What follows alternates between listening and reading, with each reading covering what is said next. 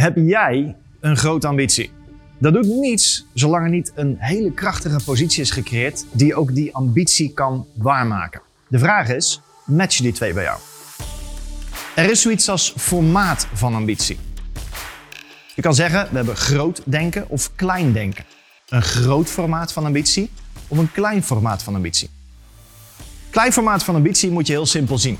Denk aan een coach die uh, 30, 40 euro per uur verdient of genoegen neemt met een 3000 euro waarmee hij net rond kan komen.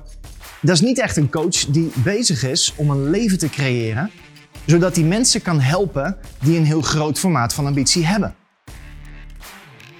Niet goed of fout, de een is niet beter dan de ander, maar het is een ander formaat van ambitie. Bij een groot formaat van ambitie denk ik aan mensen als Michiel Muller, die Picnic niet uh, op heeft gezet om één stad te overwinnen, maar meer om Nederland te overwinnen. En sterker nog, meer dan Nederland. Duitsland en andere landen in Europa wellicht. Denk ook aan mensen als Michael Jordan, die nadat iedereen al in de kleedkamer zit na een zware training, hij zelf nog aan het schieten is om te oefenen wat de rest al denkt te kunnen. Het is omdat hij een groot formaat van ambitie heeft. Je kan zeggen dat het formaat van ambitie maakt hoe iemand zijn leven eruit ziet. Maar niet alleen het formaat van ambitie. Want misschien ken je wel mensen die groot denken en een groot formaat van ambitie hebben. Het probleem is alleen, ze zijn nog steeds blut. En het ambitie die ze hebben, die hebben ze ook niet waargemaakt. Nu, dat betekent dat het formaat van ambitie niet gebackupt wordt met een krachtige inner stance.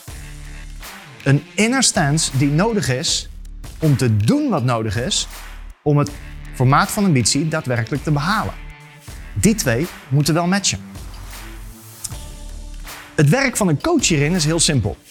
Een coach helpt iemand om te zijn wie hij moet zijn, zodat hij kan doen wat hij moet doen om te kunnen matchen met het formaat van ambitie.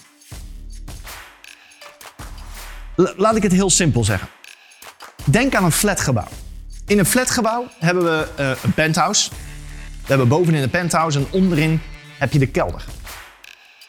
Als iemand het formaat van ambitie heeft om bovenin de penthouse te spelen in business, dan zal hij er wat voor moeten doen. Maar zodra iemand het formaat van ambitie heeft in de kelder, dan is het veel comfortabeler, veiliger. Je hoeft niet al die trappen op. Je hoeft niet dat hele penthouse door. Je hoeft niet elke keer een level hoger te komen. Maar je blijft veilig in de kelder. Nogmaals, één niet beter dan het ander. Het is een ander formaat van ambitie. Zodra jouw bereidheid, jouw inner stance, jouw bereidheid om te doen wat nodig is, niet matcht met dat formaat, dan leef je een vrij ongelukkig leven. Dan heb je geen vrijheid, geen rust.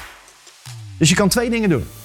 Eén is als jij een groot formaat van ambitie hebt, dan wil je je inner aanpassen om te kunnen matchen met dat formaat van ambitie. En doen wat nodig is om dat te bereiken. Maar als jij niet bereid bent om te doen wat nodig is met dat formaat van ambitie, dan is het wellicht slimmer om je formaat van ambitie aan te passen. Dan hoop ik niet dat dat voor jou geldt, maar wellicht wel en geeft dat je juist veel meer ruimte. Ik ga je een opdracht meegeven. En de opdracht is als volgt.